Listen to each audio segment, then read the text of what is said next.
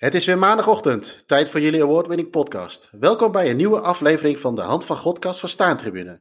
Jouw start van de nieuwe week. Ook in deze aflevering weer alles over de randzaken rondom het voetbal. We gaan het vandaag onder andere hebben over Arnold Muren, het jeugd-WK van 1983, Jurgen Spaarwasser en de DDR in 1974 en de eerste strafschop was een, feit. Ehm, in de aflevering 29 hebben we natuurlijk ook weer onze vaste items. Uh, de vergeten speler van Jim Holteres. De Maradona quizvraag waarbij je het staantribune verrassingspakket kan winnen. En praten we weer bij met Jelle Dame, de Nederlandse voetballer in de Tsjechische dienst. Mijn naam is Jeroen Heijink en uh, tegenover mij zit uh, co-host Ino Diepeveen. Ino, goedemorgen. Hey, yes. morgen Jeroen. Ik heb hem goed. goed. Ja. Goedemorgen, hoe is het? Ja, goed. Met jou? Lekker ja, weer gevegeteerd in het Brabantse. Heerlijk, heerlijk lopen vegeteren in, uh, in Eersel. Een uh, Duitse nederzetting heb ik gezien. Uh, hoop Duitse vlaggen, Duitse nummerborden. Maar ondanks het noodweer op de vrijdag was het verder goed toeven op de camping. Maar je leeft nog vanuit Duitsland dan? Of? Ja, ja, ja, nee, nee, ze hebben mij gewoon ontzien. Dus okay. ik, kon, ik kon gewoon door. Ehm, nou ja, laten we meteen maar even ons biertje openen. voor de traditionele Hand van Godkast opening. heb jij iets speciaals of zit je vast aan de Jopen. Nee, nee, vandaag geen Jopen voor mij. Maar ik, ik, moet, uh, ik heb wat goed te maken, eigenlijk namens jou. Want oh, afgelopen, uh, ja, afgelopen week hebben wij een uh, podcast opgenomen die donderdag uitgezonden gaat worden. Daarbij kregen we weer eens wat gesponsord. En dat werd gewoon even kapot gemaakt door jou. Dus ik moet even een herkansing geven aan Likeurig. Dat is het merk van vriend en collega Wouter. En uh, hij heeft een lijn opgezet met limoncello en ook de, de sinaasappel variant die wij gratis kregen, omdat het over het EK ging. Uh, en de munt variant, dat heet de mojicello, de, de mojito variant. En die heb ik vandaag uh, voor mijn neus. Dus alsnog nu even een goed makertje naar Wouter toe. Ondanks dat ja. de mensen het nog niet hebben gehoord. Maar dat ja, is gelijk weer even een mooie cliffhanger voor donderdag. Dus eigenlijk moeten we die van donderdag nog even opnieuw inspreken met als terugkoppeling luisteren even de hand van Godkast voor orde excuses van Ino. Ja, maar aan de andere kant, uh, slechte reclame is ook reclame. En hij heeft het dat nu te rol gehad, dus uh, ja. dat kan wel weer uh, voor nu. Maar proost. Ja, voor je het weet zit ik elke zondagavond aan de limoncello. Dat moeten we natuurlijk ook niet hebben. Ik Als je daar niet van bent, dan moet je dat ook niet doen, nee. Nee. ja, goed, dat is misschien een mooi bruggetje van, voor, over afgelopen week. Ehm, ja, wij hebben, dan moet ik even goed nadenken, was het woensdag? Ja. Een uh, podcast opgenomen voor aankomende donderdag. Het, het, WK, of het WK, het EK komt natuurlijk uh, steeds dichterbij. voor volgende week zondag tegen Oekraïne. ik moet toch zeggen dat ik langzaam wel een beetje in de sfeer begin te komen. Dat heeft niks te maken met het hele zagrijn rondom en in het Nederlands elftal. Maar gewoon een beetje, ja, weet je uh, podcasts luisteren, uh, toch wel de beelden terugzien, uh, toch een juichcape kopen voor de kinderen, dat soort ongein allemaal. Begin ik er toch langzaam wel weer een, een beetje zin in te hebben. En wat ook mee zou mogen helpen is ja, dat we ook een paar wedstrijden gewoon lekker bij zijn. dat je gewoon weer lekker naar het stadion mag. Dus dat zal zeker meehelpen. Ja, een paar mooie kaartjes hè? Ja, zeker. Uh, uh, als ik elke dag negatief getest ga worden, want dat is wel iets wat erbij komt kijken, is dat we elke dag op de wedstrijddag zelf moet je, moet je getest worden. En ja, negatieve test moet je meenemen en dan, dan kom je erin. Dus het is, dat is nog wel even in die zin spannend. dat dat wel een voorwaarde is. Maar voor de rest denk je, ja, weet je, lekker naar Amsterdam toe, biertje drinken, potje voetbal kijken. Uh, en hopelijk uh, ja, uh, komen die eerste ronde vlekkeloos door. Goed, ik heb daar maar wat twijfels over, maar daar zijn andere podcasts voor. Maar heb jij al een beetje, is bij jou de straat al oranje, Ino? Of, nee, de straat is nog niet oranje. Maar ik begin er steeds meer zin in te krijgen. Ik ga ja? denk ik niet naar het stadion. Ik ben niet zo'n oranje ganger. maar zo'n eindtoernooi is altijd wel leuk hoor. Zegt de man die bij een WK-finale is geweest in 2010. Ja, dat was een van mijn uh, twee of drie oranje wedstrijden inderdaad. Ja. ja. Ook nog een keer in het Gelredome tegen Schotland een 0-0 gezien. Ja. Uh, en 90 minuten lang uh, vanuit het uitvak Do Re Mi aangehoord. waar, waarna we denk ik na de eerste helft ook gewoon met z'n allen gezellig mee gingen doen. Dat was fantastisch. Ja. nou ja, weet je, daar hebben we het al vaker over gehad. over, over de supports bij het Nederlands Ik denk niet dat we dat nog een keer hoeven te doen. Ik denk dat we er allemaal wel een beetje hetzelfde in zitten. Uh, uh, qua niveau en alles vind ik het zelf nog steeds het mooiste wat er is, een eindtoernooi. Een beetje een toetje hè, van het seizoen. dus we gaan het, gaan het meemaken. Maar een van de redenen daarvan was dat wij inderdaad de afgelopen woensdag bij Erik van Goren waren. En de, de, beste man heeft uh, ja, aantal hebben we niet gehoord, maar enorm veel uh, wedstrijdgedragen shirts van het Nederlands elftal. Uh, ook overigens van, van FC Groningen, maar daar ging de podcast niet over. Maar de podcast ging over al die verhalen, vooral achter de shirts die hij had. Ja, ja. Ik, ik heb echt een topavond gehad. Ja, wij waren in de snoepwinkel de hele avond. Als, ik denk dat het er van het Nederlands elftal zo'n 500 waren. Want er lagen ongeveer 50 op tafel. Ja, dat was e-, één hoekje uit die kast. Uh, ja. Dus ja, we hebben wel aardig genoten daarvan. Hè? Nou ja, we hebben van tevoren een, eh, een barbecue bij hem gehad. En uh, hebben, nou ja, uh, door alle verhalen brandde er nog wel eens wat vlees aan. Werden hamburgers, werden schoelkegels, noem je dat zo? Schoelkegels? Schoelschijven, schoelschijven, ja. dat is het. En uh, worstjes werden, nou ja, noem het maar, werden aan de ene kant wat, wat zwarte. En, maar dat was ook wel het mooie. Er werd, waren zoveel mooie verhalen, ook, ook buiten natuurlijk de, de, uh, de shirts op. Maar we zaten dus eigenlijk buiten aan een soort van uh, houten tafel of tafel van hout. En daar werden gewoon even, nou ja, twintig shirts op ges, nou, gesmeten, wil ik niet zeggen.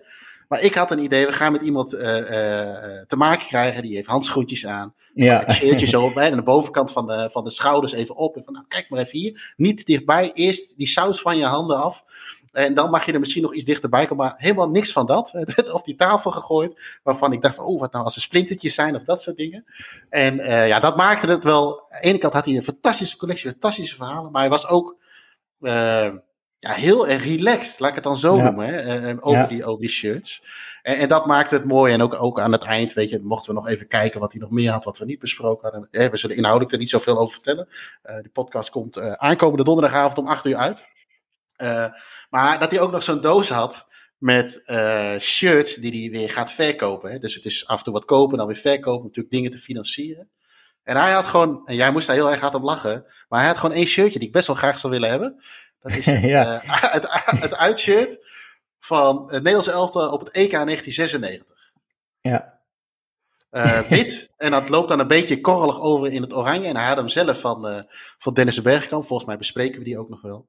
Ja, en, en van Jordi. Hij had ze, hij had oh ja, hij had ze allebei. Ja. En uh, ja, goed, ja, misschien wil jij het vertellen. Uh, ik zag hem liggen in die doos. Ja, jij zag hem liggen en toen, toen dacht jij, hé, hey, die zit in de doos van de te verkopen shirts. Wat mag dat uh, ding kosten? En toen zag ik natuurlijk al nummer 9 staan. en ik had jou een minuut daarvoor al iets over Kluivert horen zeggen.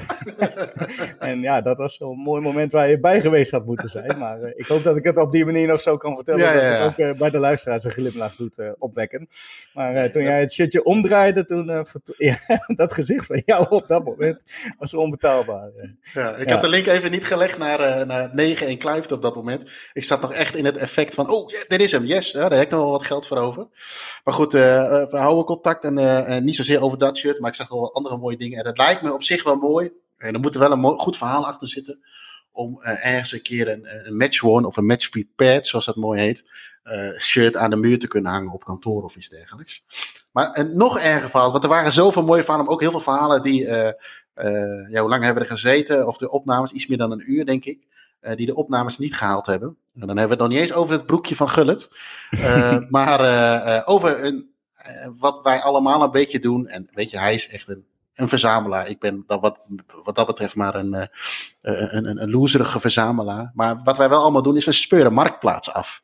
He, we gaan kijken of er wat shirts zijn, zoeken, zoeken, zoeken. En hij had ooit een keer, een aantal jaar geleden, vertelde hij dat hij een een shirt van Go Ahead had gevonden. Hij zei, hey, dit verhaal moet ik jou nog even vertellen. Je bent van Go Ahead en oh, dan gefeliciteerd met de promotie, bla bla bla. Hij zei, dit verhaal moet ik even vertellen. En hij vertelde dat hij dus een shirt in de tijd van Tenkate en, en, en van Koten is dat ze met dat rood-geel met die naam in het wit voor op de borst speelden dat hij die gevonden had op Marktplaats. Ik zei, oh, uh, cool, dat is wel gaaf. En uh, hij zegt, uh, je, je, je, raadt nooit wat het, wat dat, ja, hij zegt, ik, ik had contact met die mensen opgenomen. Dat waren wat mensen, ja, wat oude, oude echtpaar. Die had eigenlijk gezegd, oh, weet je, we mieteren dat, we mieteren dat wel weg, want dat hebben we toch niks aan. En toen had hun zoon gezegd van, nou, weet je, pa, maar misschien moet je dat ding eens op, op, op Marktplaats zetten. Misschien brengt het nog wat op. Ja. Toen dacht ik al, brengt het nog wat op? nou, hij was er, volgens mij was hij erheen gegaan. En Toen zei ik, vroeg ik aan hem, ik zei, goh, ik ben wel een beetje benieuwd wat je ervoor hebt moeten betalen. En hij heeft toch, goh, scoleren, hij heeft er maar 150 euro voor moeten betalen. en heeft hij gewoon een van de meest uh, ja, iconische shirts misschien wel in de tijd van, van Go Ahead heeft hij, uh, heeft hij op de kop getikt. Ja, het, het, is misschien een verboden vraag, maar wat had jij ervoor over gehad? Nou, ik, werd, uh, ik vertelde dit verhaal ook tegen, tegen een andere, tegen, tegen maat van mij, ook een shirt verzamelen. Hij zei, ja, maar dat shit van de kaarten wil je toch helemaal niet hebben, man. Die azijnzeiker. Ik daar heb je alweer een punt. Uh, maar goed, uh, ja, ligt er een beetje aan. Kijk, als jij dan komt kijken bij zo'n shirt en je merkt eigenlijk aan die mensen al een beetje van, nou, die hebben niet door wat de waarde is. Ja, dan ga ik niet zeggen, nee, dit is een heel uh, iconisch shirt, daar heb ik wel 400 euro voor over of zo. Maar goed, weet je, had ik wel wat geld over gehad. En ik denk, als je de waarde een beetje inschat in de huidige tijd, was dat wel, uh, wel iets, iets meer waard geweest. Maar goed, mooie verhalen. Ja, donderdag, donderdagavond, de podcast met ons drieën. jij, Erik en, en ikzelf. om acht uur online. een uur lang mooie verhalen over voetbalshirts. Mocht je niks met Nederlands elftal hebben, kan ik me iets, misschien iets bij voorstellen. Maar ga hem zeker even luisteren als je wel van, van shirts en mooie verhalen houdt. Ja, en even nog goed voetbalshirts inderdaad, maar allemaal wat jij zegt, wedstrijd gedragen ja. of uh, match prepared. Ja. en tegenwoordig krijgen ze natuurlijk allemaal twee, drie setjes. dus dan is het ietsje makkelijker om zo'n shirt te bemachtigen. Of iets minder moeilijk, moet ik zeggen. Ja. Maar nou, verder niet te veel verklappen, gewoon luisteren. Nee, echt, echt fantastische exemplaren, ook van de jaren 70 en terug. Um, ik werd vandaag ook nog even getriggerd door een, door een foto van Feyenoord Haarlem op uh, 6 juli 1971. Uh, Feyenoord won die wedstrijd met 2-1. Feyenoord werd kampioen, tiende titel. Uh, en Haarlem die degradeerde op dat moment. Maar ik werd eigenlijk een beetje getrokken door die foto, omdat alle mensen eigenlijk al uh, tegen de zijlijn stonden. Of op de achterlijn, zeg maar, gewoon op het veld. En ik moest toen even denken aan pitch invasions. En ik denk, nou, ik ga Ino eens even vragen, wat is jouw mooiste pitch invasion? Ja, uh, die van mezelf hoor, die ik zelf heb gedaan. Bijvoorbeeld? Ja, dat, dat, zal bij uh, mijn clip hier GVVV zijn geweest. Ik Naakt of? Uh... nee, nee. Ik, maar ik, ik lag ooit een keer als eerste bovenop Carlos Albers, die, die toen zijn carrière kwam afsluiten bij onze club vanuit ja. Nijmegen. En die scoorde in, na de pre-kampioenswedstrijd volgens mij een belangrijke goal. En okay. toen hadden we denk ik wel 200 man op ons liggen. Dus ik, dat is de eerste die mij te binnen schiet. Maar de, de eerste die mij vanuit het profvoetbal te binnen schiet, is die van Gullit, volgens mij ook bij Feyenoord. Dat hij dat die wel echt heel erg snel richting kleedkamer rende. Ergens uh, halverwege jaren tachtig, denk ik. Uh, of begin jaren Ja, hij heeft er ook nog eentje gehad met PSV. In de, of is dat er voor PSV? Dat kan ook. Ja, het was tegen uh, Excelsior, maar die wedstrijd werd in de koel gespeeld. En toen stonden de spelers ook al, of de supporters ook al eh, langs de zeilen, terwijl de wedstrijd nog niet afgelopen ja, was. Ik denk dat ik die uh, bedoel, uh, ja, ik, ik denk dat het bij Willem II was, uh, op dat oude gemeentelijk sportpark heette dat volgens mij. ja? met, met Feyenoord, denk ik, maar dat... Okay. dat zou ook goed kunnen, hoor, want daar hebben we het volgens mij ook gehad. En, trouwens, Carlos Albers, die heeft nog met... Wilfried, Wilfried ja, ja, ja, ja oké. Okay. Iconen. Kunnen we, misschien, kunnen we misschien nog wel eens aan hem vragen. Ja, nou, ja weet je, um, je hebt natuurlijk eigenlijk de mooiste pitch invasions zijn natuurlijk uh, met, je, met je club. Uh, ik uh, ben bij Goed twee hele mooie meegemaakt de laatste tijd met, met, met de eredivisie. En moet ik eerlijk zeggen dat vroeger had je natuurlijk nog hekken. En ik ben niet zo'n hekkenklimmer. het kost me altijd veel moeite. Maar ik heb echt mensen, ja, ik, ik, weet niet hoe ze het doen. Zeker met die hekken die eh, eerst omhoog lopen en dan schuin naar achteren. En er zit dan van dat, uh, van dat prikkeldraad omheen. En dan klimmen ze dan als, uh, ja, mag je dat zo zeggen? Als apen heel makkelijk eroverheen. Mag, dat, mag je dat op die manier omschrijven? Maar goed, het maakt niet uit. Maar dat, dat, dat, vond ik altijd best lastig. En nu natuurlijk zonder hekken is het allemaal veel makkelijker. Springt een dingetje over en dan nog een keer de, de, de boarding. En dan ben je er eigenlijk al. Ja. En, maar ook mooie zijn natuurlijk. En ehm, die heb ik één keer meegemaakt, maar niet op een voetbalveld. Is als je ergens als neutrale kijker bent en uh, je zit bij een playoff wedstrijd of iets dergelijks, halve finale, dat je met een, uh, met de club uh, de pitch invasion kan doen. Maar een van de mooie is, die heb ik ooit bij het ijshockey meegemaakt. Ik weet niet of het daar ook een pitch invasion heet. Maar bij de, is het Nijmegen Devils speelde toen. En vroeger had je ook nog best wel veel klepperij rondom het ijshockey. Maar die werden toen kampioen. En uh, uh, ja, toen zijn we ook wezen kijken. En deden ook heel veel mensen moeite om uh, over die, dat plexiglas heen te klimmen. Sommigen lukt het ook, sommigen niet. Die, die knalden tegen dat plexiglas op. En op een gegeven moment zag ik, ja, weet je, ik wil dat ijs ook wel op. Maar dat plexiglas ga ik ook weer niet redden. Dat is nog moeilijker dan een, een hek bij het voetbal. maar toen ging er netjes een, een deurtje open. Dus ik kon er netjes omheen lopen. En dan stond, ah. stonden we op het ijs. Dus ja, dat zijn wel... PSV toch ook wel eens, om het makkelijk te maken? Even over podcast gesproken. Over podcast gesproken. Die komt er nog. Ehm, dus, nou ja, dus daar moest ik even aan denken. iets anders nog. Ehm, is dat ja, gisteren eigenlijk, of vandaag, het is vandaag eigenlijk 6 juni dat wij dit opnemen, uh, de strafschop uh, 130 jaar bestaat. Uh, dat is al best een tijdje. Ik werd even getriggerd door een, door een tweet van Jurit van Voren, die al, waar we ook een keer een podcast mee hebben gemaakt. En ja, dat is al best wel een, een tijdje geleden. ja, de penalty die werd eigenlijk al in 1890 bedacht door een uh, Ierse doelman, William McCrum, prachtige naam. Als, uh, ja, eigenlijk als uh, ultieme straf tegen verdedigers die ja, eigenlijk een beetje tot het uiterste gingen om, een, om het doelpunt te voorkomen. Dus dat, daar werd, werd alles uit de kast gehaald. En het, uh, het voorstel wat, uh, werd ingediend bij de spelregelcommissie. dat zijn natuurlijk allemaal van, ja, ja nu zeker oude heren. Maar, toen, uh, maar die, dat kreeg geen steun.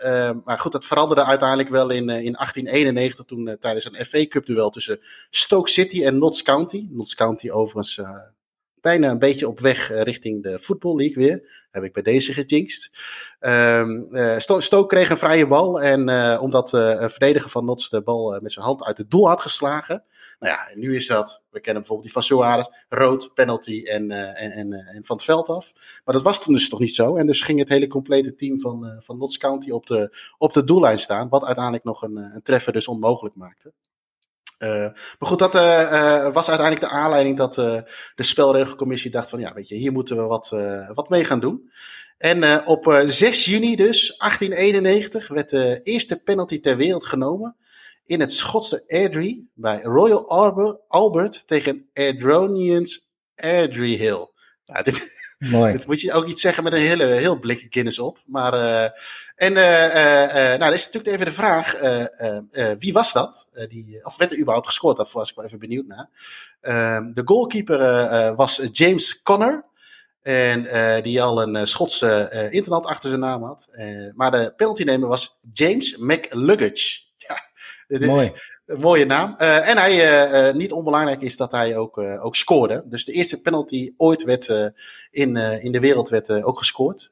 Nederland volgde, even snel rekenen, een, een vijftal maanden later. wat, de, wat, in ieder geval de, wat in ieder geval de pers meldt.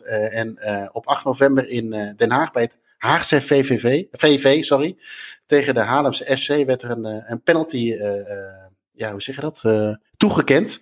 En dat was dus de eerste. En uh, die werd uh, genomen door Pim Mulier, als ik dat goed uit mag spreken. Maar die schoot naast. Hey. Dus hij was, hij was wel degene die de eerste nam, maar hij miste hem. op 3 april pas in 1982 scoorde Jan Kan.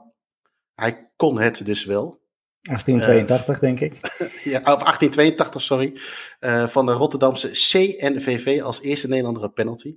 Waar hij in diezelfde wedstrijd zelfs nog één benutte. Nou ja, goed, dus, dus uh, dat is iets om, om niet te vergeten, denk ik. iets wat we af en toe wel eens vergeten zijn spelers. we hebben elke week een item de vergeten speler van Jim Holtewes. Ook deze week is hij weer voor ons de archieven ingedoken. laten we daar maar eventjes naar gaan luisteren.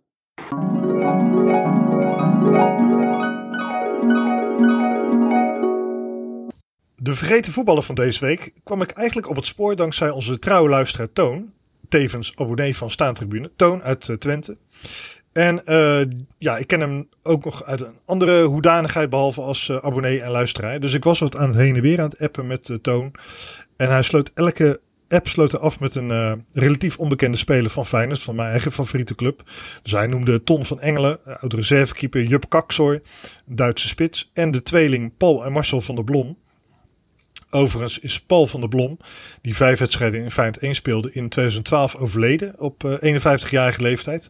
Onder wat dubieuze omstandigheden naar verluid. Dus dat is misschien wel een aardige voor een andere keer.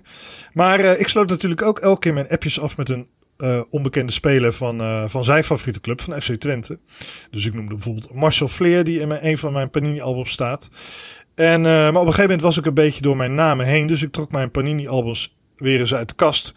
En ik kwam in het album van 1988 uh, een speler tegen, die, uh, die zei mij weinig. Dus ik heb het album hier voor me. Allemaal legendarische namen. Theo Snelders, Fred Rutte natuurlijk. Martin Koopman, André Paus, Pieter Huistra, Theo Tunkaat. Maar uh, ja, Ben Weber, die zei mij niks. Om eerlijk te zijn. Ik zal het even opnoemen. Geboren op 13 juli 1967. Dus hij wordt dit jaar 54.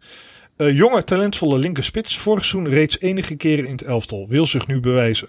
Bezit een contract en komt van de eigen amateurs. Nou, daar ben ik eens even ingedoken in, uh, in de carrière van Ben Weber.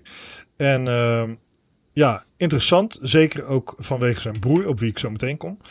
Hij speelde bij Vogido. Uh, voordat hij bij Twente terecht kwam. Dat staat voor, voor ons genoegen is het opgericht. En uh, ja, zijn droom was als echte tukker om te scoren natuurlijk in de Diekman. En hij ging ook elke dag kijken bij de training van FC Twente. En op zijn 18e verjaardag kon hij contract tekenen voor drie jaar en werd zijn droom ook werkelijkheid. Nou, hij maakte zijn debuut in seizoen 85-86. Uh, daarin speelde hij maar één wedstrijd, ook dat seizoen, uit tegen Ajax in de meer. Hij mocht 20 minuten voor tijd invallen. En na afloop van de wedstrijd kreeg hij grote complimenten van zijn tegenstander Sonny Siloy. Hoewel Twente wel met 6-0 verloor. Nou, het seizoen erop, 86, 87, speelde hij tien keer in het eerste elftal. Hij scoorde ook een, een goal tegen Rode JC. Dat was zijn eerste goal. Hij scoorde nog een keer een goal. Er was een uh, dieptepaas van Fred Rutte. Hij nam de bal met uh, perfect aan en hij lopte hem daarna, volgens eigen zeggen, met veel souplesse over de keeper van, uh, van Roda. Nou, Twente verloor die wedstrijd overigens ook, maar dat was toch een mooi moment. Uh, daarna heeft hij nog wat wedstrijden gespeeld. En in een van die wedstrijden tegen FC Groningen uh, kwam hij in botsing met Sjaak Storm, de keeper.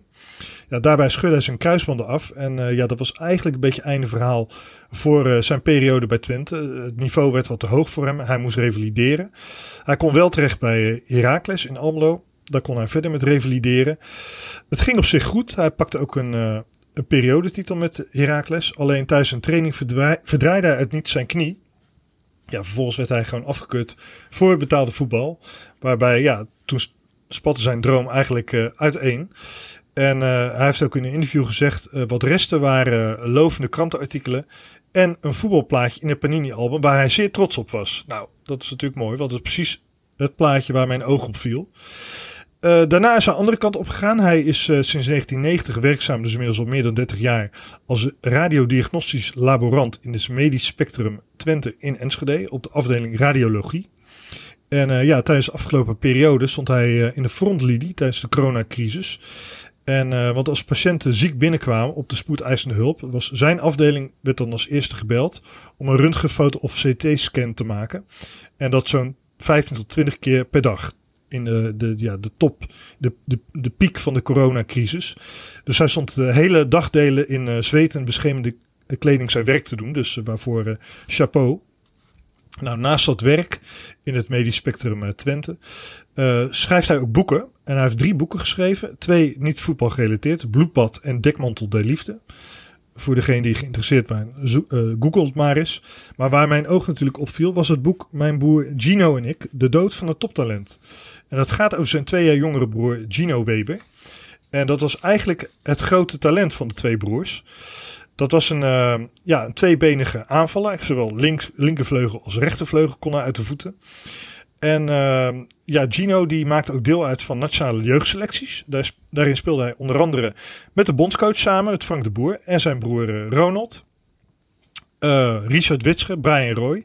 Nou, Johan Cruijff die keek geregeld bij die wedstrijden en die raakte zo onder de indruk van uh, de kwaliteit van Gino dat hij zijn dat hij hem uitnodigde in zijn televisieprogramma, wat hij toen de tijd had, Kruif Co. En ook Martin Jol, die keek in zijn tijd als uh, speler van Twente uh, geïmponeerd bij de trainingen. En die nodigde Gino later uit bij zijn nieuwe club, uh, zijn toenmalige club West Bromwich Albion, op 14-jarige leeftijd, voor, om, om een week mee te trainen. En Jol zei over Gino dat hij in hem een kruising zag tussen Johan Cruijff en George Best. Hij had iets meer weg van George Best, wat van, uh, ja, vanwege de, zijn capriolen uh, buiten de lijnen, maar daar kom ik zo wel op. Nou, in 84 kwam hij ook naar de jeugd van Twente, waar Ben op dat moment al speelde, zijn broer Ben. En dat ging eigenlijk allemaal prima met, met Gino, totdat hij in 86 werd betrapt op het spelen van geld in het spelershome. En het was eigenlijk aan technisch directeur Kees Rijvers te danken van Twente dat hij een nieuwe kans kreeg. Die greep hij ook, want hij werd overgeheveld in seizoen 87-88 na de eerste selectie. En een jaar later, een seizoen later, maakte hij ook zijn debuut in het eerste elftal van Twente. Hij viel in voor uh, Pieter Huistra, 20 minuutjes in de wedstrijd in uh, april 1989. Het was ook zijn enige optreden op het hoogste niveau. Want ja, Gino had een, een drank- en gokverslaving en had ook geregeld blessures. Dus een echte doorbraak bleef uit. Ook hij ging naar Heracles. Maar ja, dat, dat, dat ging ook al vrij snel mis. Want ja, Gino had een groot talent, maar ook een aanleg voor zelfdestructie. En eigenlijk bleek dat al vrij jonge leeftijd, als, eh, kleu als peuter al. Hij bonkte zo hard met zijn hoofd tegen de muren dat de, dat de buren dachten dat uh, Gino, uh, ja, dat de slaapkamer van Gino werd verbouwd. En hij had ook concentratieproblemen op school. Hij hoorde stemmen in zijn hoofd. Hij dacht dat hij paranormaal begaafd was. Uh, ja, op een familiepicknick veroorzaakte hij, ja, min of meer voor de grap, een brand in een, in een bos. En hij werd ook gekwaald, gekweld door, door faalangst. Hij vertelde ook aan zijn broer Ben dat hij met ijzeren staven zijn eigen benen kapot probeerde te slaan om maar niet te hoeven voetballen om zo verlost te zijn van de druk. En uh, ja, dat was ook een van de symptomen van borderline, uh, ja, persoonlijkheidsstoornis. En hij wilde eigenlijk voortdurend de grens opzoeken. Hij raakte verslaafd dus aan alcohol en gokken. Hij, uh, rookt, hij rooft dus die, die spelerskas leeg. Hij ja, hij werd ook opgenomen in diverse klinieken. Hij heeft zelfs een half jaar cel gekregen vanwege een overval op een tankstation. En hij dreigde meerdere malen met zelfmoord. Hij heeft zelfs eenmaal aan zijn broer Ben gevraagd of hij hem wil, met een auto wilde overrijden. Nou, na zijn carrière ging het helemaal, zijn voetbalcarrière ging het helemaal uh, neerwaarts met hem. Uh, en uiteindelijk werd hij uh, op 18 juli 2003 levens, levensloos in zijn woning aangetroffen met naast zich een lege whiskyfles en een leeg pakje antidepressiva. Dus ja, je kan zeggen dat de geest toen eindelijk was bevrijd. Daarna uh, wilde hij ook geen rouwadvertentie in de krant, omdat hij zich schaamde voor zijn eigen leven, had hij aangegeven. Alleen zijn broer uh, Ben heeft uiteindelijk alsnog een, uh, een eerbetoon aan hem geschreven met dat boek. Mijn broer Gino en ik. Die Martin Jol, dus ja, degene die eigenlijk fan was van de voetbalkwaliteit van Gino, heeft dat eerste exemplaar in ontvangst genomen van de ouders van Gino en Ben Weber. En uiteindelijk zijn er zo'n, volgens Ben Weber, zo'n 15.000 exemplaren van het boek verkocht.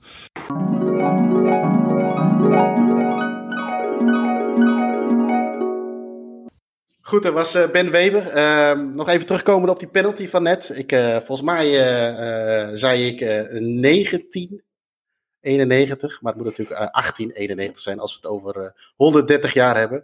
Voordat de hele appgroep ontploft om mij kapot te maken en mijn effect te checken. bij deze 1891, 6 juni. Ehm, Ino, om maar even op iets anders terug te vallen. Uh, wij zaten bij Erik en toen kwamen er wat shirts voorbij schieten. En een van zijn mooie shirts uh, had te maken met een uh, bepaald jeugd-WK. Vertel. Ja, zeker. Die, uh, die kwam deze week ook langs uh, als uh, zoveel jaar geleden. Ik ga nu, nu even niet meer rekenen. Maar dat was 1983. toen we met, met een van de beste lichtingen ooit, denk ik, naar het, voor het eerst met het Nederlands jeugdteam naar een WK gingen. En die werd ook weer in Mexico gespeeld. Azteca Stadion, waar we vorige week al over hadden. Daar werd ook de finale gespeeld weer voor 110.000 mensen. Maar wij gingen daarheen met een lichting die behoorlijk goed was. En toen ook al goed werd gevonden. Met Van Basten, met Mario Been, met Van Schip, Siloy. Nou, ik, ik, kom zo nog even verder op wat andere namen terug. Ik kwam in ieder geval de pool door, door een gelijkspel tegen Brazilië en een winst tegen de Sovjet-Unie, waar wat uh, spelers speelden die we vijf jaar later op het EK zouden uh, treffen, ook in de finale. Mm. Onder andere Protasov, die ook scoorde. Um, en uh, met een gelijkspel tegen Nigeria werd de halve finale gehaald tegen Argentinië na de, de, snelle goal van Van Basten werd het toch 1-1 en in de laatste minuut 1-2. werden nog wat uh, rode kaart uitgedeeld. Drie voor Nederland. Voor Chapko Teuben, wie kent hem niet? Mooie mm voetbalnaam. Henk Duut, Ook, voorbij, ook nog voorbij gekomen bij Erik met de shirtjes. en jouw favoriet, Gerald Vanenburg, die was gewoon betrokken bij een opstootje. dat nou, kende ik eigenlijk niet zo van hem, maar ja, drie, drie spelers dus met rood vertrokken. Uiteindelijk won Brazilië, helaas moeten we dan zeggen, het toernooi van Argentinië. Ja. ja. Uh, en, ja, bij Brazilië speelde onder andere Bebeto, Jorginho, Dunga. Best wel uh, grote spelers natuurlijk later geworden. Verder op dat, EK, of op dat WK nog doorgebroken zijn Tony Polster en Ruben Sosa. En ja, wat Nederland betreft, wat ik al zei, hè, van Schip, Vadenburg, Van Basten, Mario Been. Uh, Mario Donna, uh, genoemd in uh, Rotterdam en omstreken. Ja. Robbie de Wit, wat natuurlijk een heel groot talent was. Theo Snelders, alleen die, die keepte dat toernooi niet, was reservekeeper. Ja. Mike Snoei uh, zat in het team. Henk Duut, wat ik zei. Uh, Ade Coat, nog uh, natuurlijk een mooie carrière gehad. En onder andere de Europa Cup 1 met PSV gewonnen. Maar ik wilde eigenlijk even de rest van de selectie heel kort doornemen. Er zitten wat spelers in waarvan we echt nooit meer gehoord hebben. Bijvoorbeeld die keeper die dus snel dus op de bank hield. Rick Lauwers, die heeft nog best wel een aardige carrière gehad hoor. Maar voor wat bescheiden clubs.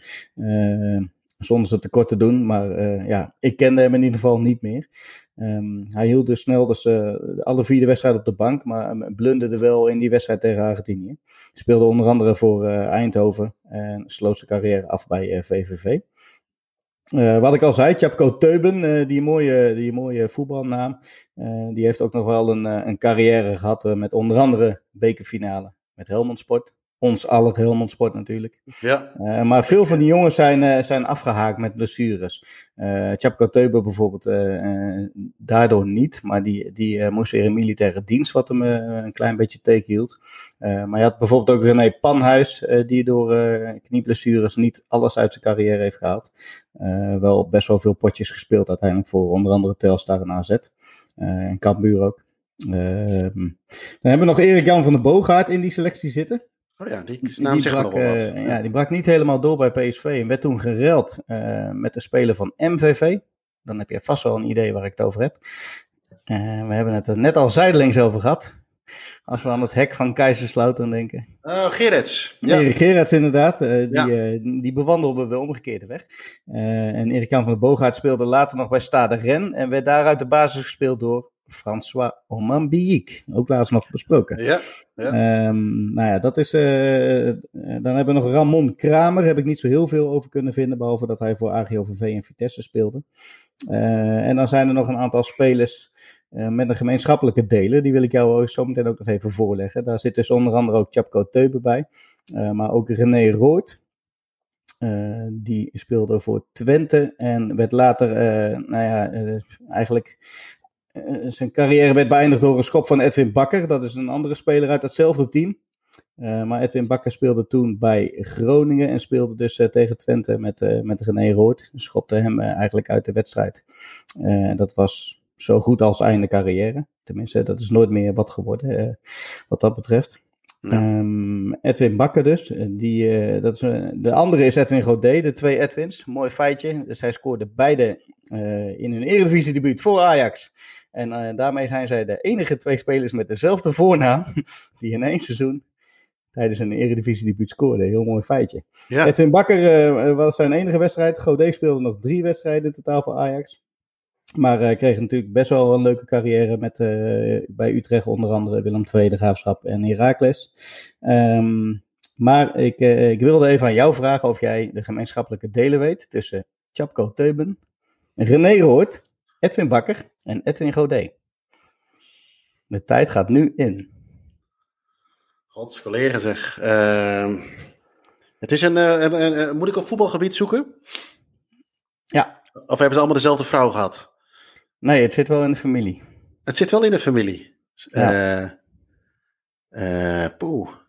Uh, ze hebben een, een niet dezelfde vrouw, maar een vierling of zo, zoiets? Nee, nee, nee. Edwin Bakker is de vader van Mitchell Bakker. Oké. Okay. Paris Saint-Germain en jonge ja. natuurlijk. Ja. Edwin Godet heeft uh, Joey Godet als zoon. Ja. Die natuurlijk ook wel een aardige carrière heeft gehad. Onder andere bij jouw uh, clubje Eagles. En ook bij ons aller Helmond Sport weer. Uh, René Roord is de vader van Jill Roord. Oranje okay. Leeuwin. Ja. Daar hebben we niet heel veel verstand van. Maar nee, weinig. als je Roord zegt, Weet je, dat is Jill, hè? en uh, en Chapko Teuben is de vader van Stan Teuben. En dat is weliswaar geen profvoetballer, maar wel een scheidsrechter uit de keukenkampioen-divisie. Oké, dus ze hebben allemaal iets achtergelaten in de voetballerij, zeg maar. Precies, precies. En die Stan Teuben is de jongste scheidsrechter ooit geworden. Of tenminste, zijn debuut gemaakt op 21-jarige leeftijd. En in die wedstrijd gaf hij Gerson Rodriguez van Telstar een rode kaart. En ik geloof dat dat was nadat hij had gescoord voor, uh, of, uh, voor Luxemburg tegen Nederland, als, als ik me dat goed herinner. Ja. Tegen meneer wat capsones, en, uh, maar het, verbeter me als ik het fout heb. Okay, maar dat was in 2017. Oké. Nou, mooi, mooi linkje tussen die, uh, tussen die vier. Of in ieder geval gemene delen. Dat ze allemaal wat. Uh, maar nee, nee, sommige. Nee, dat, die link had ik niet, niet direct gelegd. Ik moet ook zeggen dat die achternamen mij niet direct die kant op hadden gewezen. Maar dat zegt misschien meer over mij dan over de, over de vraag. Nee, best wel wat bekende spelers uiteindelijk geworden. Maar dus ook altijd in zo'n team. Dan ben je best wel dichtbij een, een doorbraak. En dan zijn er toch altijd ja, de helft van de spelers die dan ergens blijven hangen. Waar, waar je bijna nooit meer van hoort. Nee, nee. Oké, um, het jeugd-WK onder 1983, jij noemde het net al, was de finale tussen uh, Brazilië en Argentinië. Uh, over Argentinië gesproken, wij hebben altijd uh, elke week een prijsvraag met een Argentinië sausje. de Maradona quizvraag. Um, zo hebben we deze week ook weer een nieuwe vraag en natuurlijk het antwoord op vorige week. Mama, mama, mama, mama, il corazon. Ho visto Maradona, ho visto Maradona.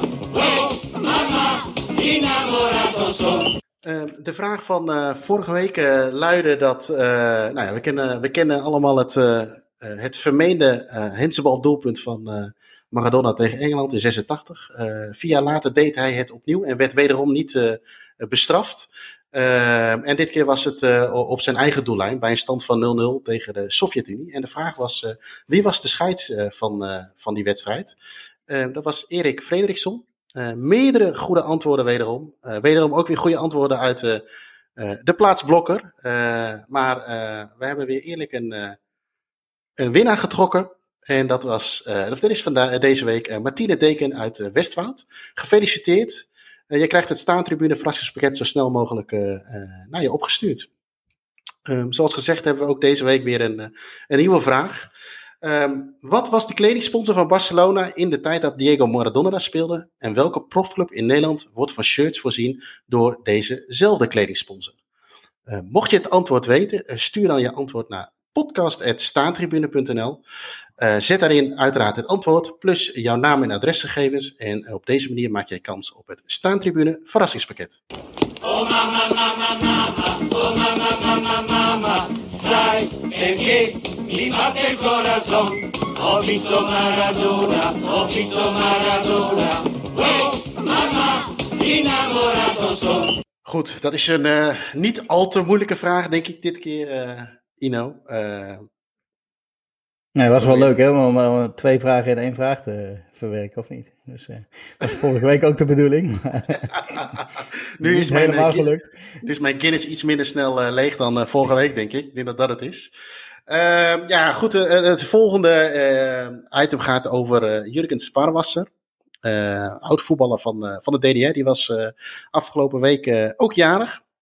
En uh, ja, ik moest, uh, toen ik dat zag, voorbij zag komen, moest ik wel eventjes weer denken aan, uh, aan vroeger. ik kocht hier ooit in het dorp op een, op een ja, rommelmarkt een, een, een boek over 1974. Toch een toernooi die we ja, uh, aan de ene kant helemaal aan vastklampen. Aan de andere kant moet ik ook zeggen dat, uh, ja, som, ik, ik heb er veel van gekeken, maar toch vaak de finale wel, wel doorgespoeld wat dat betreft. Maar ik, ik kocht een boek, dat heet ook Voetbal WK 1974. Ik heb het eventjes op moeten zoeken, maar ik, het is een vrij dik boek. blauwe kaft, grote letters erop, WK 1974. En ik heb even na moeten zoeken dat het door Theo Rijtsma en Ben de Graaf is geschreven. En het gaat uiteraard over het WK. Wat mij daarvan bijgebleven is, is een hoofdstuk over diezelfde uh en eerder genoemde Jurgen Spaarwasser. Uh, toen ik dat boek kocht, was ik nog niet zo op de hoogte van uh, West-Duitsland en Oost-Duitsland en alles wat ervan uh, afspeelde. Maar ja, ik vond het eigenlijk wel gek dat twee landen die bijna dezelfde naam hadden, maar alleen Oost en West verschilden. Dus ik ben er een beetje ingedoken. En daarnaast moet ik zeggen van, ja, ik noemde net al met de WK-finales bekijken en doorspoelen. Ehm, ik had vroeger ook, en ik, die heb ik helemaal grijs gedraaid, van die oude ja, VHS-videobanden. misschien dat er wel wat. Nou, ik denk dat onze meeste luisteraars wel weten wat een VHS-videoband is. Misschien zelfs nog wel de Betamax. Die heb ik ja, zelf... dat denk ik van TDK, of niet? Nee, nee, nee. Deze was van PDM. PDM. PDM. En waar doet PDM je altijd? Ja, ja Erik Breukink, toch? Ja, ik heb zijn uh, bidon ooit uh, gekregen. Ja, staat daar het, want hij, hij fietste altijd het snot voor zijn ogen, letterlijk. Ik, zat daar dat, uh, ik zat weet niet wat voor een goedje erin zat. Ik hoop alleen water. Maar... In die tijd weet je maar nooit natuurlijk. Maar ik, had, ik, had, ik had ja, veel videobanden. eentje daarvan was ook bijvoorbeeld alle hoogtepunten van het WK 1990. Met de op, of daarvoor op Roger Mila, ook al eerder wel eens besproken. maar ik had ook een, een videoband dat heette 20 jaar WK voetbal. Uh, of WK voetbal, zo moet ik het eigenlijk zeggen. Uh, dat ging van uh, 1966 tot en met 1990. daarvoor werden er blijkbaar geen WK's gespeeld. maar goed, maar daar zat ook veel dus materiaal in van, van 74. van onder andere die wedstrijd tussen Oost- en West-Duitsland.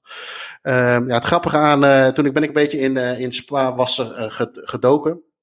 En ehm, daar komt ook vaak het verhaal naar voren dat er in datzelfde jaar in 1974, dus dat Oost- en West-Duitsland bij elkaar in de, in de pool zaten op het eh, WK 74 in West-Duitsland, is dat uh, hij onder andere daarvoor al met Maagdenburg de Europa Cup 2 heeft gewonnen in het seizoen 73-74. die finale die werd op 8 mei 1974 gehouden ehm, in de Kuip. Uh, er was niet heel veel animo voor, want uh, er zaten net, uh, nou ja, op, op, op Wikipedia staat overigens 4641 toeschouwers.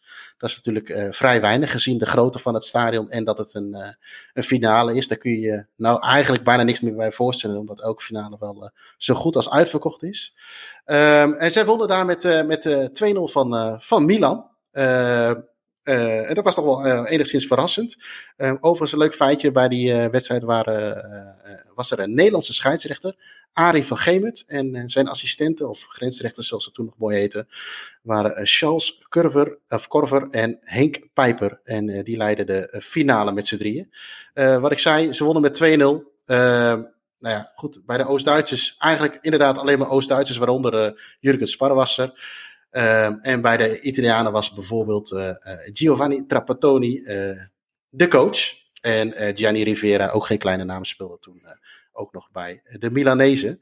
maar dat verhaal komt vaak naar voren, waar ik een beetje door getriggerd. Nou goed, um, nog even terug trouwens, nog even naar het WK.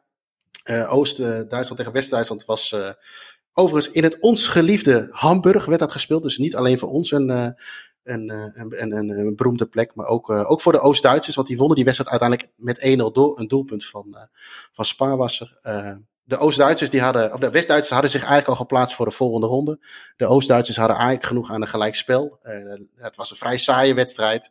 Het leek uiteindelijk ook op een 0-0 te eindigen, totdat uh, uh, ja, iets minder dan een kwartier voor tijd hij toch het winnende doelpunt scoorde. En ja, dat was toch wel een soort van, van overwinning, omdat ook de West-Duitsers zelf wel iets hadden van, ja, weet je, wij zijn toch het betere team, we gaan ons even laten zien wie de beste is. En ja, uiteindelijk was dat dus niet het geval. Uh, ik werd er getriggerd in dat hele stuk door uh, dat er ook 1500 tussen aanleidingstekens uitverkorenen waren. Oftewel uitsupporters vanuit, vanuit de DDR.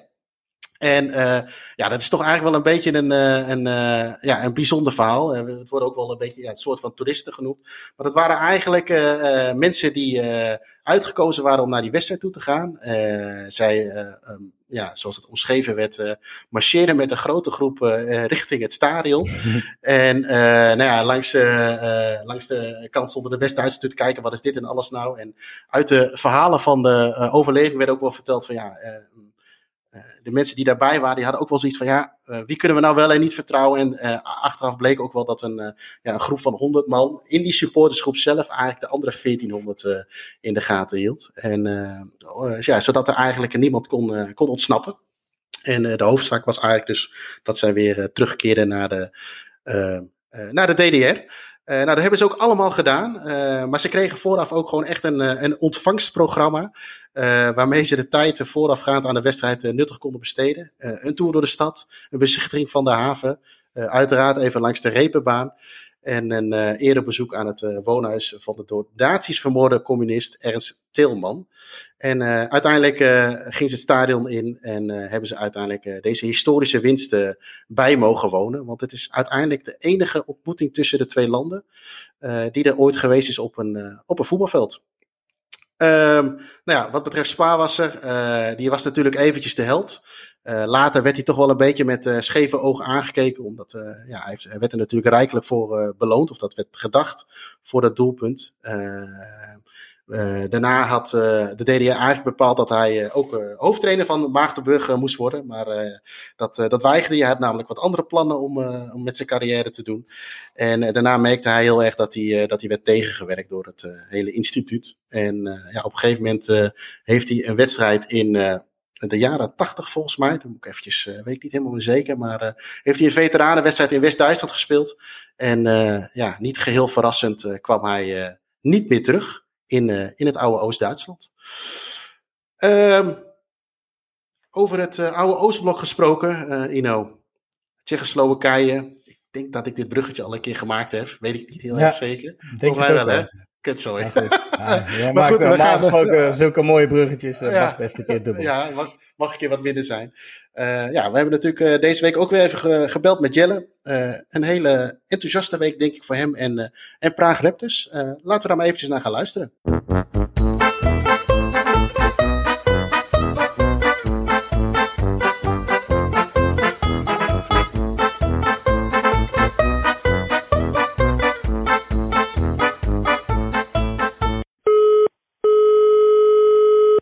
Jeroen met Jelle.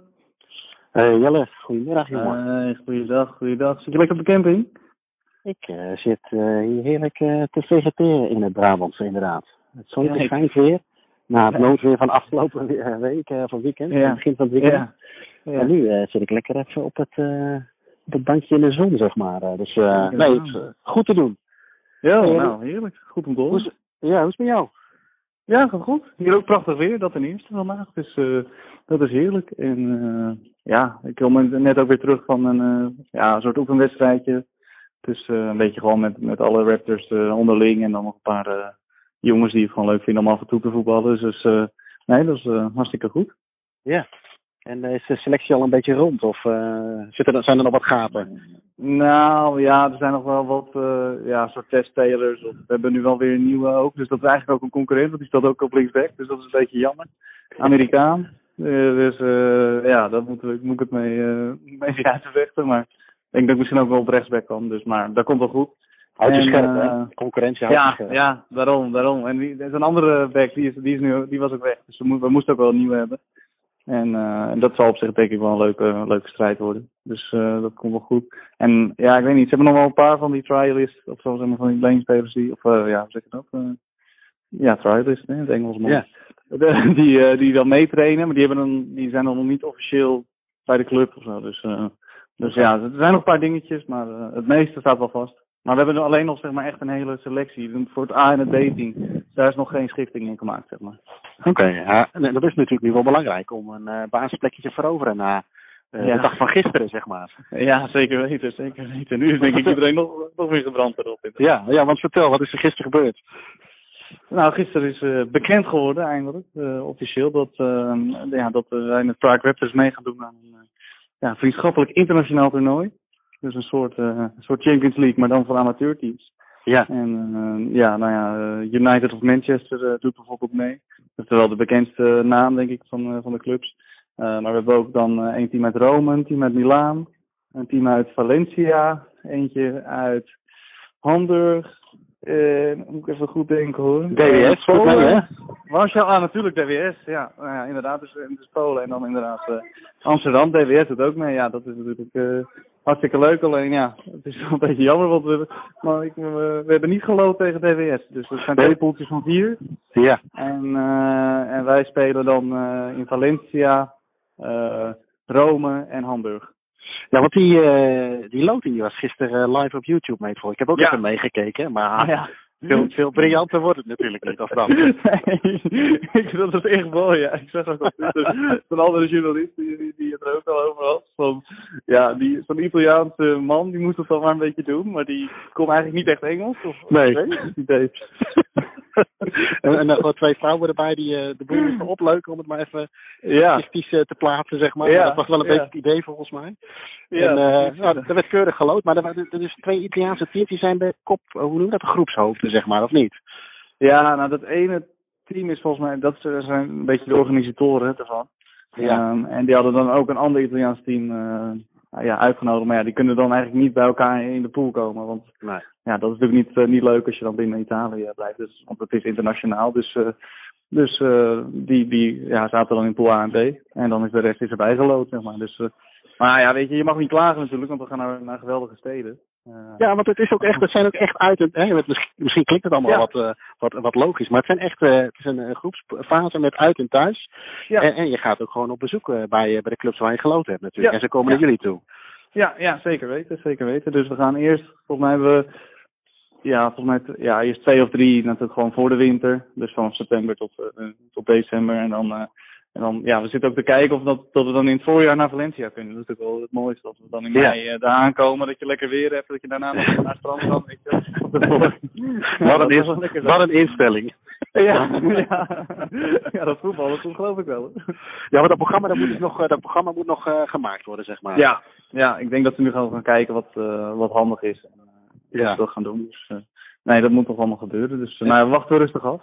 Oké, nou lachen man. Nou, het, uh, ja, het is inderdaad wel jammer dat je wat dat betreft Amsterdam niet hebt. Want dat je mooi even naar, uh, dus aangestekend naar huis gekund. En uh, ja. dan hadden wij ook nog even een mooi potje kunnen kijken. Ja, met jullie. Maar, maar wie weet valt er wat ergens een keer in een mooie gelegenheid. En dat, dat jullie mooie tegenstander thuis krijgen. Dat we toch nog een keer op bezoek kunnen.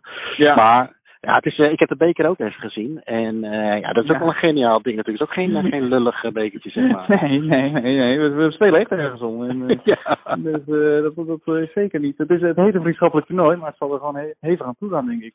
Ja, want het heet de Phoenix Trophy, hè, uiteindelijk. Ja, Phoenix ja. Trophy. Ja, dus de, de ja, International Phoenix Trophy, zoiets. En ja, dit is dan het eerste jaar dat ze het organiseren. Uh, dus bijvoorbeeld de eerste was Sheffield FC zou dan ook misschien wel meedoen. Nou, dat is de oudste club uh, ter wereld uh, ja.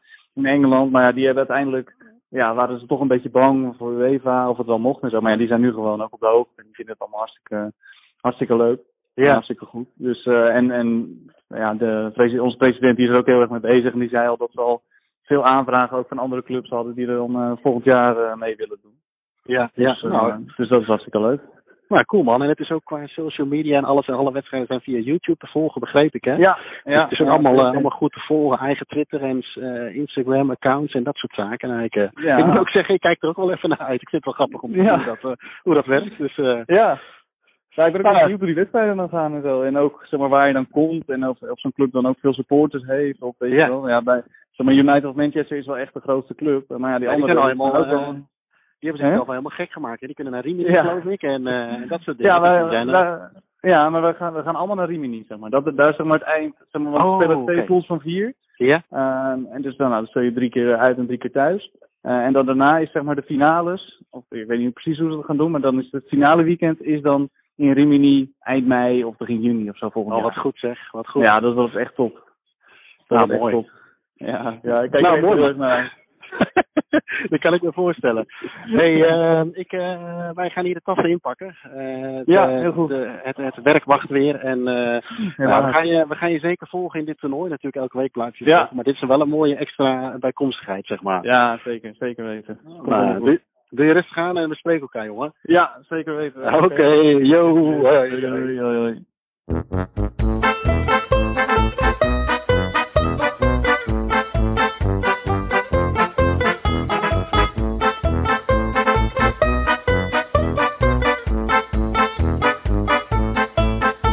De Phoenix Trophy. Uh, ja, ik vind dat toch wel briljant wat ze Gaaf, gedaan ja, hebben. Zeker. Ja, ik zat, ik zat er gewoon mee te leven met dat ze of 60 of DWS of, of uh, liever beide zouden loten. Dat was echt mooi geweest. Ja. Dan was ik hier zeker in Nederland even gaan kijken.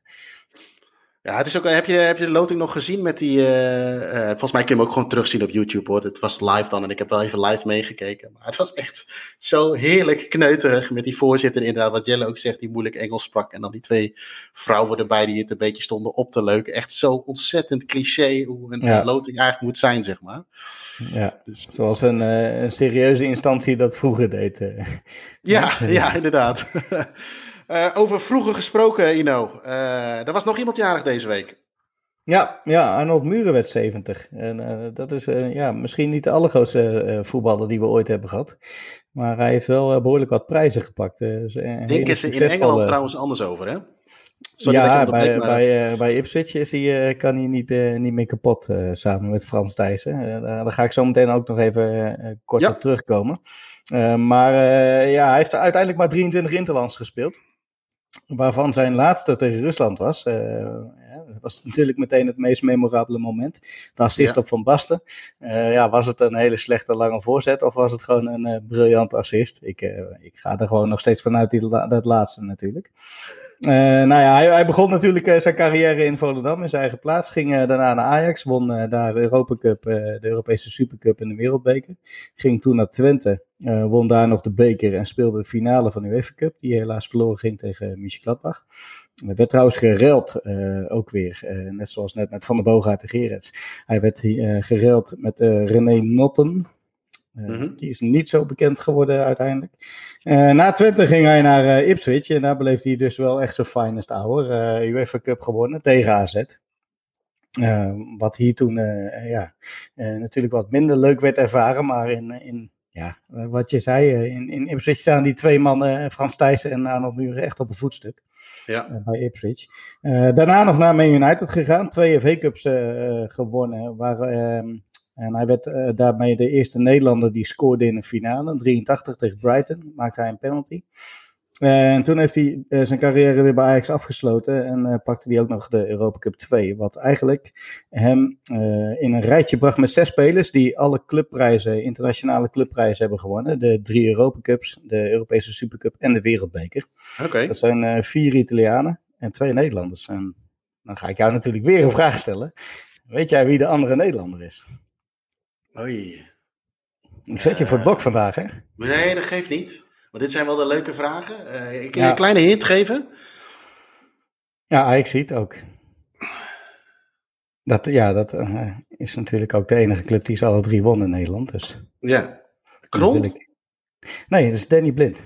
Oh. Oké, okay, oh, natuurlijk. Een scholletje. Ja. Scholletje, ja, zeker. En vier, vier Italianen. Uh, ja. Schirea, Cabrini, Brio en Tacconi, voor de volledigheid. Uh, hij was ook nog heel lang de oudste ajax die in de Eredivisie speelde, maar dat, werd hem, uh, dat record werd hem afgepakt dit jaar door Stekelenburg. Mm -hmm. Nou ja, goed. verder is hij dus met, met Frans Thijssen held geworden in Ipswich, wat ik zei.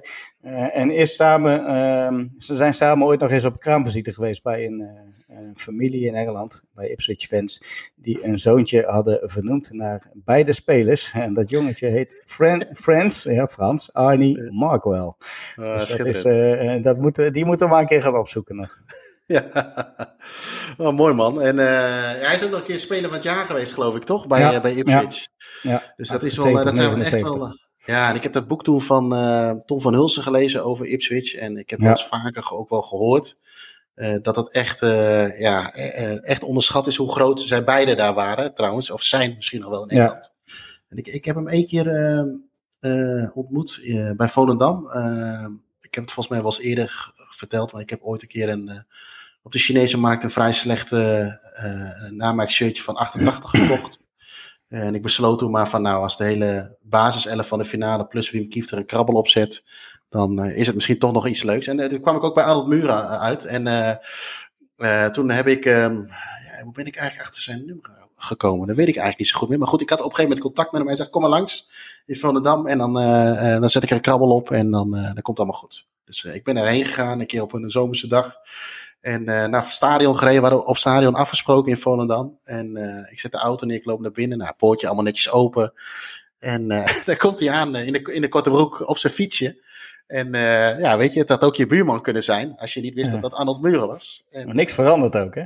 Ja, helemaal niks. En, en, en gewoon uh, uh, ook ja, ontzettend nuchter en ook oprecht geïnteresseerd andersom. Kijk, voor mij zijn dat toch de basiself van 88, of misschien grotendeels van die selectie is toch wel een beetje is toch wel een beetje helder waar je soort van tegenop kijkt. Hè? Als je ja. ineens bijvoorbeeld uh, Gullit of Van Breukelen of wie dan ook voor je hebt staan, denk je, oh, weet je.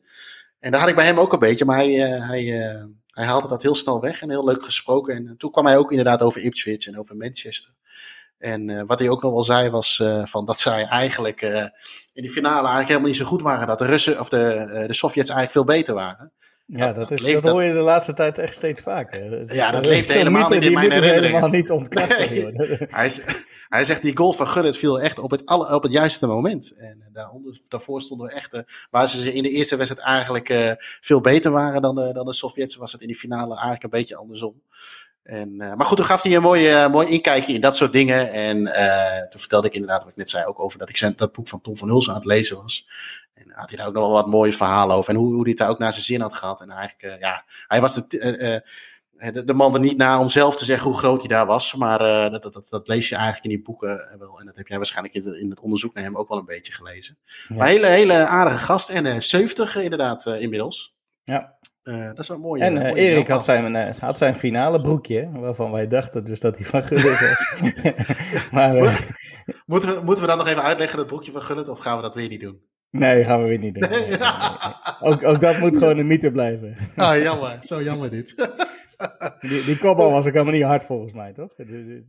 is ook zo'n verhaal. Ja, ja, nee, ja weet je. Het is ooit, denk ik. Ja, en Darsayev was in die tijd echt een topkeeper. En ja. aan beide goals kon hij volgens mij uh, vrij weinig doen. En volgens mij in de eerste wedstrijd, uh, in de eerste poolwedstrijd, heb je volgens mij ook wel gezien hoe goed die keeper was eigenlijk. En ze liepen ja, er meerdere gasten over. Hè? Belanov, uh, Protasov, Michalichenko. Allemaal stuk voor stuk goede voetballers. Dus op zich is het eigenlijk helemaal niet zo gek dat het misschien ook waar is dat die Russen tot aan die 1-0 gewoon, of Sovjets tot aan die 1-0 gewoon beter waren. Maar ja. goed, dat, dat, zit helemaal niet in je hoofd. Hè, dat is hetzelfde als van 74, die finale. Ja, dat, waren, dat, was ook gewoon heel slecht van de kant van Nederland. Terwijl je toch denkt, ja, we hebben toen nog zo goed gespeeld, zo mooi gespeeld. En dan verlies je een beetje door een, uh, door een zwalbe van, uh, van, van die Duitsers en, en, en zo'n lullig rolletje van Müller. Dus het is een heel ander, tenminste dat beeld had ik altijd. Totdat je ja. voor de gein eens een keer die hele wedstrijd gaat kijken. Maar dat is ook jezelf een beetje pijnig. Um, ja, dat was, hem, dat was hem weer voor deze week, Ino. Yes. Volgende week hebben we een beetje een uitdaging, of niet? Dan gaan we, we gaan wat eerder opnemen, denk ik. Want uh, jij ja. hebt wat, uh, wat reisplannetjes her en der. We hebben, en, ik, heb een, ik heb een essentiële reis gevonden. Ja. Ik hoop ook dat ik daar negatief getest voor word. En dan zondag is het natuurlijk, zondagavond is natuurlijk Nederlands elftal. En ook daar mag ik wellicht, wellicht bij zijn. En, maar ik denk ook voor, mocht dat dan niet het geval zijn, iedereen kijkt ook thuis, ook jij. En dan is het denk ik niet het, het meest geschikte moment om een, om een, om een podcast op te nemen voor de, voor de maandagochtend. Nee. Dus we, gaan er, we zijn er zeker volgende week maandag weer. en dat, gaat, dat gaat helemaal goed komen. nou ja, goed dan zou ik eigenlijk willen zeggen, uh, bedankt voor het luisteren naar uh, deze aflevering van de Hand van Godcast. Uh, Ino, Ino, nogmaals bedankt. mochten jullie tips, ideeën, opmerkingen of vragen hebben, dan horen we dat uiteraard graag. al deze zaken kun je mailen naar podcast.staantribune.nl. Hadden we overigens deze week even wat problemen met de mail. Ik hoop dat dat volgende week opgelost is. en mocht je dit nou een hele toffe podcast vinden, dan zouden we het leuk vinden als je een recensie achterlaat bij de podcast van Staantribune. En voor nu zou ik willen zeggen... Dat was hem weer, Snuiters. Tot volgende week. Fantastic.